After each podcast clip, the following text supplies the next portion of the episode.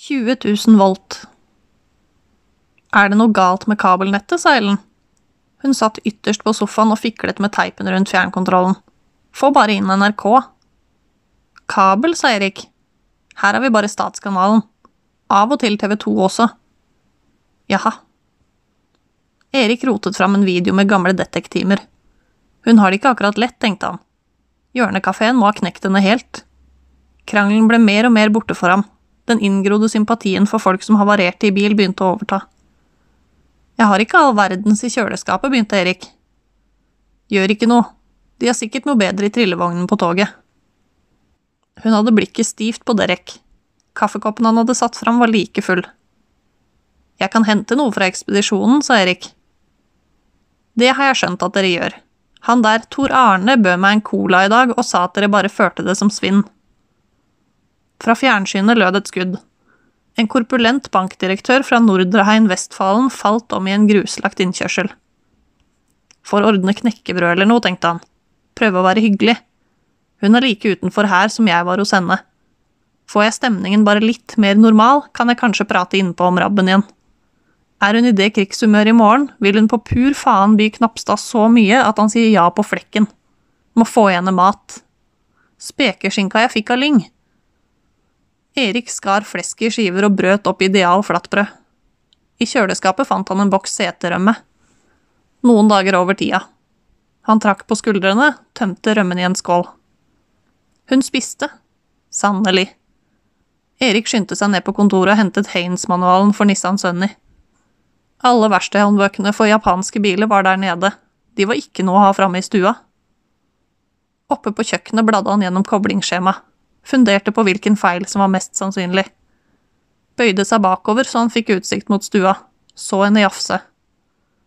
Altfor salt, klagde Ellen. Har du øl eller noe? Så klart, sa Erik og la boka opp på kjøkkenskapet. I kjøleskapet fant han brett med elefantøl, det han hadde byttet til seg fra den danske turisten som måtte ha ny dynamo på bobilen. Er ølet kaldt, sa Ellen da han kom med glasset. Ja visst. Vet du forresten hvorfor engelskmennene liker varmt øl? Fordi kjøleskapene deres er produsert av Lucas. Var det en vits? Lucas var en engelsk fabrikk som leverte elektriske komponenter til biler. Lucas-delene fikk rykte for å gå i stykker. Ufortjent, spør du meg. Helt sikkert, sa Ellen, tok en svær slurk av elefantølet og snudde seg mot Derek igjen. Harry Klein var nå alvorlig bekymret. Hun ba om mer øl. Erik fylte et glass sitronbrus til seg selv satte seg ved kortsida av stuebordet og strakte seg etter ei skive spekeflesk. Det var virkelig salt. Og der fikk Derek oppklart drapet, i hvert fall arresterte han vaskehjelpen. Detektimen ser jeg på hver uke, sa Ellen, men etterforskerne har tapt seg. De var bedre før.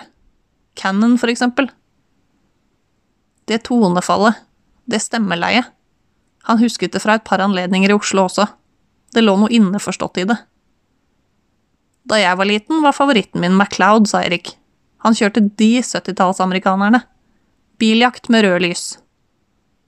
Var det ikke en episode da han red en hest opp Park Avenue i New York? Husker du virkelig den, sa Erik. Du husket den jo, sa Ellen. Og du er litt yngre enn meg, eller hva? Skal du ha en øl til? Kom med den. Jeg var skikkelig kjøttsulten. Bor du virkelig fast her oppe? Uten et eneste bilde på veggene? Jeg holder meg mest nede i verkstedet. Her oppe sover jeg bare. Å, men du leser visst mye, sa Ellen. Leser? Ja, jeg ser du er bokklubbmedlem, sa hun og nikket mot verkstedhåndbøkene. Er de nye Haynes-romanene bra? En time senere kjente Erik kniven stange innpå beinet i spekeskinka. NRK sendte et program om sebraer. Ellen reiste seg og gikk inn på kjøkkenet. Han hørte det svisje i en ny ølboks. Hun kom tilbake, deiset tungt ned i sofaen. Har du noe snacks, sa hun. Vi må kunne kose oss litt. Bare sitronkjeks. Nei, forresten, nå vet jeg, sa Erik. Løp ned i ekspedisjonen, hentet en pose fra godteriolen, sprang opp igjen. Jeg har laget popkorn fra jeg var liten, sa han fra kjøkkenet. Til sammen må jeg ha spist flere kubikk popkorn, den eneste maten jeg virkelig kan lage. Jeg har sluttet å prøve, ropte hun fra stua. Det blir alltid så svidd. Oi, hylte hun. Du som har hestedilla, må se på dette. De parer seg. Gud, se! Gjør mobilhesten din sånt, Erik? Han skjøv den lange troppen med tomgods innover kjøkkenbenken, så henne komme inn på kjøkkenet, litt ustø på beina. Få se hvordan du gjør det, sa hun. Altså, du må ha en diger kjele.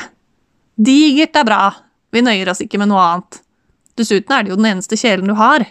Lager du aldri mat? Gud, her står jo hindukrydder med den gamle etiketten, uten strekkode. Han lot maiskornene sildre i kjelen. Bruk maisolje, sa han, ikke margarin. Det som står på pakka om å skake på kjelen, er feil. La den stå i ro. Og kjør full styrke på plata. Full styrke, fniste Ellen. Når det har poppet litt, tar du av lokket for å få ut fuktigheten. Ellers blir popkornet seigt. Frigjort fuktighet, liksom. Erik tømte popkorn i en bolle. Ellen flenget opp en kilopakning Yoso. Jeg skal ha masse salt på, og masse øl. mm, sa hun og kjørte hånda nedi bollen. Det er godt, og så crispy og luftig. Ellen tømte ølboksen. Jeg trenger en til. Skal du ha, eller? Men jeg skal da kjøre. Ta deg nå, sa hun og fomlet i veska. Dæven, det er tomt for røyk. Hun sjanglet ned mot ekspedisjonen, kom tilbake med fanget fullt av sjokolade og godteriposer, lot det rase utover stuebordet og grov fram ei rød sigarettpakke. Her, sa hun og rakte ham en pall mal mens hun fisket fram en gullblank Ronson-lighter fra drakten. Først nå la han merke til neglelakken. Den var dyprød. Han tok et magedrag og sa, Du kan da ikke gå til busstasjonen, det er ikke trygt i sentrum etter klokka sju om kvelden. Får du reparert bilen min i morgen? Så klart. Er sofaen din trygg etter sju om kvelden? Himmel, tenkte han. Trygg? Ja da. Han hørte han var tjukk i stemmen. Er du sikker på det? fniste hun. Vel, du er jo vant til å ha mange damer i huset. Jeg? Jeg møtte dem da jeg var oppe og ventet på deg, kniste hun og slurpet i seg mer elefantøl. Hun fikk skum på leppene. I et marerittsekund skjønte han hva hun mente. Den nederste hylla på do, ved siden av verktøykatalogene. Hun stakk ham i magen med pekefingrene, snøvlet med sigaretten i munnviken. Prikkedøden, prikkedøden, du ble flau nå! Draget han tok av sigaretten var så dypt at han så gloa gro to centimeter innover. Hva var det de het igjen? gnålte Ellen. Celeste? Stacy? Petra? Også hun oppå marmorbordet, hun med de kjempebrødene. Hun koste seg i hvert fall. Ikke bli så rød. Jeg har da sett sånt før. Voluptious Vixens er i basissortimentet hos Hydro Texaco, kaklet hun, og sleivet bortover gulvet mot platebunken. Har du noe bra musikk, eller? Hva med Smokey? Eller Bonnie Tyler? Det tynne sølvpapiret over søvnen revnet. Han kjente kulda fra furupanelet mot ryggtavla. Bakrusen begynte å komme, stuptrøtt og lysvåken på samme tid. Selvsagt hadde han sett bølgen under blusa hennes, men alt gnålet hadde hjulpet ham å styre blikket bort. Men oppe i leiligheten, etter fem elefantøl, hadde han ikke kunnet styre seg da hun begynte å tulledanse. Det var evigheter siden noe hadde foregått i denne senga. Noe betent, noe om å svikte noe, åpnet seg da han skjønte det ble alvor. Men heldigvis tok det Ellen så kort tid å komme til saken at han ikke rakk å vikle seg inn i det som holdt ham fra å bli med Tora Landstad forrige uke. Brystene hennes hadde klemt mot bringa da hun leide hendene hans mot hoftene sine og hvisket at han skulle dra henne skjørtet. Til alt hell hadde han dusjet dagen før, og sengetøyet var også noenlunde ferskt. Han halte henne inn på soverommet, men senga var for smal til det hun hadde tenkt seg, så hun dro ham tilbake til stua og sopte av stuebordet. Alt brant ut i ett digert smell, og da han kjente det prikle bak panna, visste han at det ikke ble noen ny runde. Angeren hennes ville nok stige med en gang når hun fant seg selv igjen her oppe, naken, åpen, med kiloene sine. Han nikket mot soverommet, tenkte at der inne fikk de ikke så mange av hans ting rundt seg, der inne behøvde de ikke å se så mye på hverandre. Hun la seg på magen og sovnet med en gang. Han overveide å stå opp igjen, men virvaret var så totalt at det eneste stedet å slippe unna var i søvne. Selv var han ganske mager, men Ellen trengte plass, og så hadde han lagt seg slik, på sida, seget inn i en søvn like urolig som kvikksølv i fluks. Nå så han lyset fra mobilskiltet slå gjennom gardinene og male huden hennes i en varm glød. Med øynene fulgte han linja som gikk ut fra det krøllete, mørke håret ved nakkerota, nedover mellom skulderbladene, til korsryggen, ut mot baken. Han så langs furupanelet på veggen. Da han la plankene, var de lyse. Nå var de mørke. Jeg vil ikke være utakknemlig, tenkte han. Her oppe lærer en å ta det en får. Det er så fordømt lenge siden jeg lå slik vi ligger nå. Det er så fordømt lenge siden at jeg, den gangen, ville ha syntes Ellen var for gammel for meg. Hadde jeg hatt ei dame jeg hadde sett hver dag, ville jeg ikke merket det på den samme måten, men nå ligger jeg her og ser forskjellen. Elise var litt over 20, og Ellen er snart 40, og hva ligger da imellom? Alt jeg går glipp av, det er det som ligger imellom. Venstrearmen sov. Han flyttet på seg, kjente blodet maure. I søvne reagerte hun på bevegelsen. Han syntes hun mumlet et navn. Ventet at han skulle føle noe, kanskje misunnelse, men det kom ikke bare hans egne hjerteslag og den støle verkingen av et blodomløp som kom i gang igjen. Hva hun har eller ikke har nede i Oslo, trenger jeg ikke å finne ut av, tenkte han. Det blir med denne gangen, fordi jeg mest av alt er som jeg er, og fordi hun mest av alt er den hun er, men for en stund siden var vi det vi er mindre av, og nå er vi på vei tilbake. Ved femtida smøg han seg ut av senga og ned i verkstedet. Det var coilen, ja. For en ironi. Han kom på noe han hadde lest i en Steinbeck-roman mens han gikk på gymnaset, noe om at amerikanske menn visste mer om coiler enn om klitoriser. Antagelig hadde ikke Steinbeck greie på bilelektro, tenkte Erik, siden den sammenligninga er så tvetydig, for en coil transformerer også 12 volt til 20 000 volt. Han startet sønnen inn og kjørte den ut i det kalde morgenværet. Fylte tanken. Grudde seg for å møte Ellen. Sjekket olja. Hvor lenge kom hun til å sove? etterfylte spylevæske. Så en bevegelse bak stuevinduet. Strammet viftereima, gikk opp. Ellen sto påkledd, samlet tingene sine, la dem i veska. Han ventet at hun skulle ha det rastløse i øynene, og det hadde hun. Popkornet i bunnen av bollen var mykt, hun ville ikke ha noe å spise, drakk kaffen fort og satte seg i bilen. I sekundene mellom revers og første gjenkjente han blikket fra i går, blikket da hun fortalte at Knapstad hadde ringt henne. Ellen Lysaker lignet ei nyparet hunnløve, like farlig og skruppelløs. Hun kom til å sitte i mobiltelefon hele veien til Oslo og vekselsvis ringe Økonomiavdelingen og Narve Knapstad. Klokka ble sju. Den lune verkingen i underlivet kjentes ubegripelig. Stua oste øl og askebeger. Batteriene til fjernkontrollen lå utover gulvet. Kjøkkenet var et klin av ølbokser og matolje. Soverommet luktet fremmed, ved stereoanlegget sto ei halvfull flaske White Horse på noen åpne platecovere, og han kom på at Ellen hadde ropt Who the fuck is Alice? da han hadde prøvd å forklare at han verken hadde Smokey eller Bonnie Tyler. Han gikk ned i verkstedet, demonterte en Weber-forgasser. Kanskje var Ellen fortsatt i bygda. Det var hun troende til. Spørre seg fram til Knapstad. Stable tusenlapper oppå panseret på Ladaen inntil hårluggen hans knapt var synlig. Kunne han ringe Lyng? Be ham innkalle Knapstad på dagen, sette bedøvelse og prate vett i ham? Nei. Knapstad ville skjønne det å gå i vranglås. Bare blanke våpen gjelder når noe haster, tenkte han, og grep telefonen. I hvert fall noenlunde blanke. Du kan bare slutte å ringe, sa Bergljot Knapstad. Narve har betalt for de vinterdekkene. Er han inne nå, sa Erik.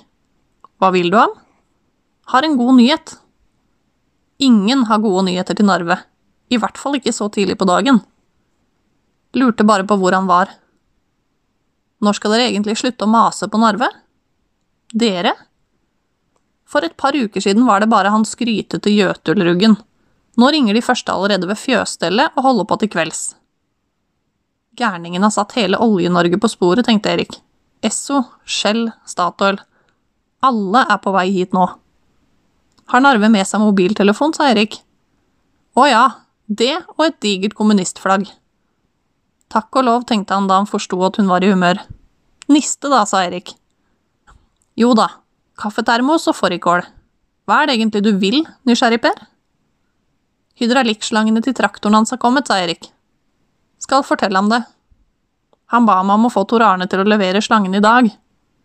Du ljuger verre enn presten, skrattet hun. Narve trenger ikke hydraulikkslanger mens han tynner skogen på Risøya. Han skal ikke fløte over traktoren før i morgen. Takk, Bergljot, lo Erik. Du fyksen, fortell meg nå hva dette gjelder. Det bykvinnfolket som driver og ringer, er like hemmelighetsfull som deg. Hadde det ikke vært for at jeg vet det jeg vet, skulle jeg trodd han hadde noe på å si. Driver og ringer, tenkte Erik. Altså har ikke Ellen fått avtale med ham, og Knapstad må passere stasjonen når han kjører hjemover. Erik kom på noe Andersson alltid doserte om.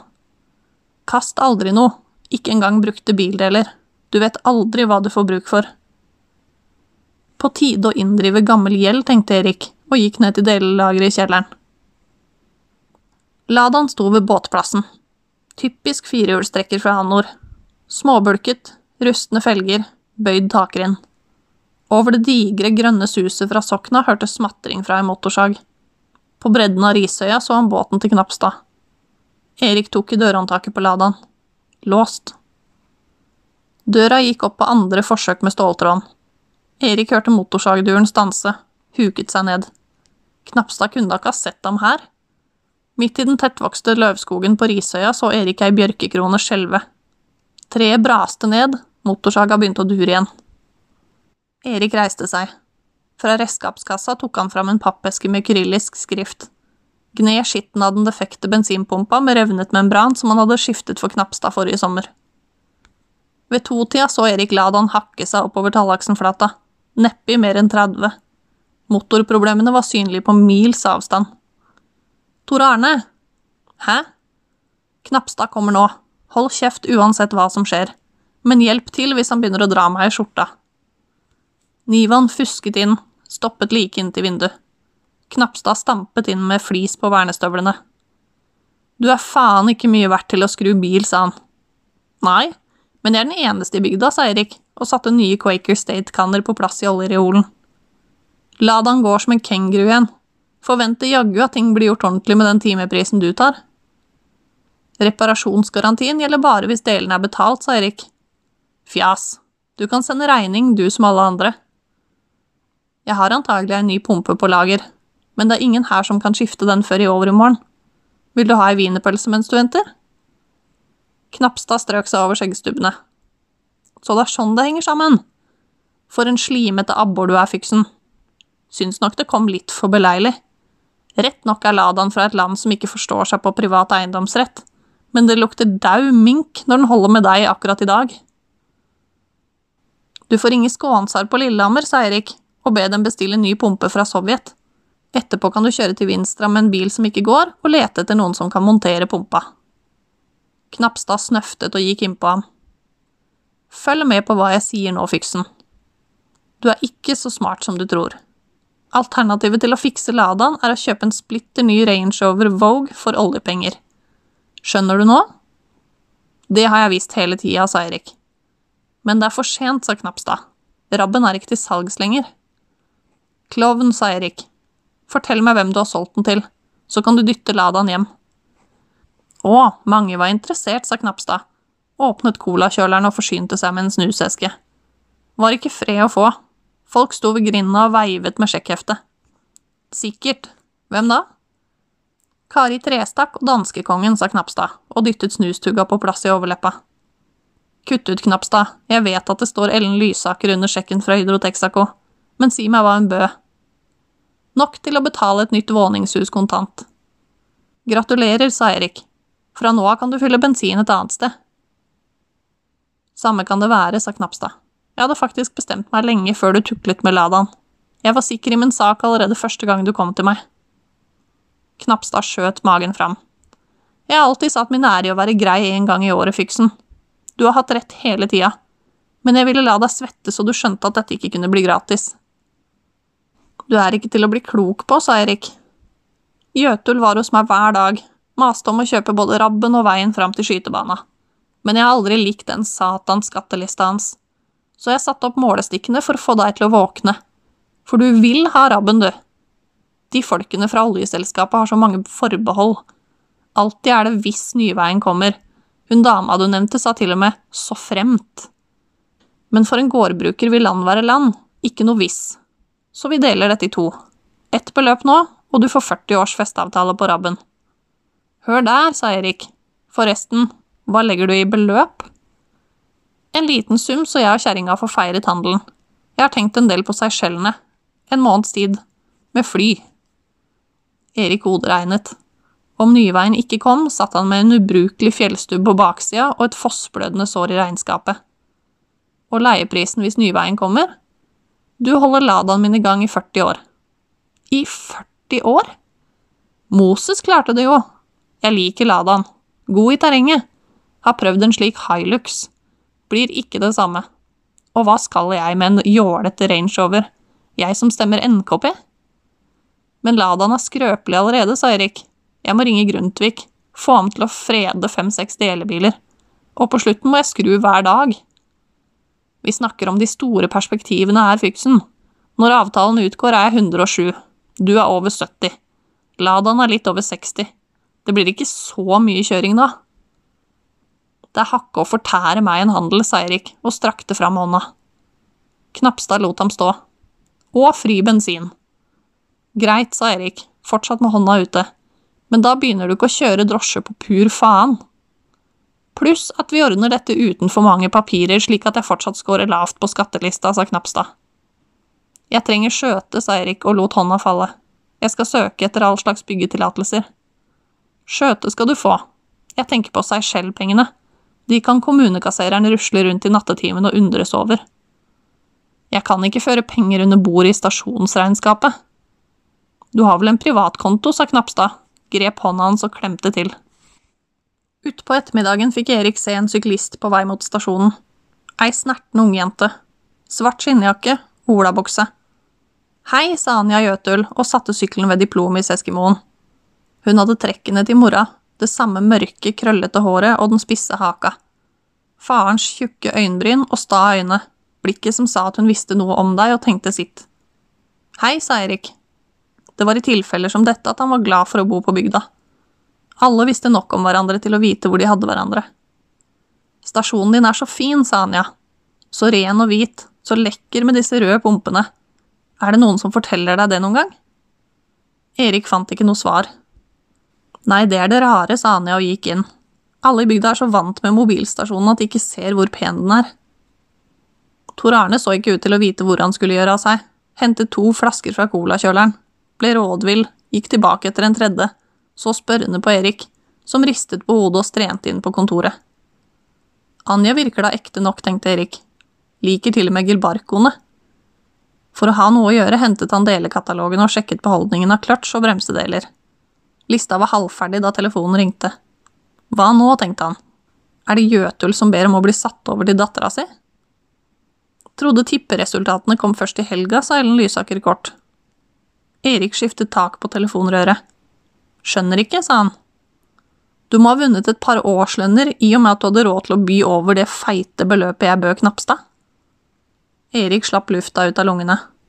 Knapstad ringte hit nå, sa Ellen og sa at du hadde kommet med en totalløsning til ham. Bra uttrykk, sa Erik. Du kan tro jeg ble forbanna.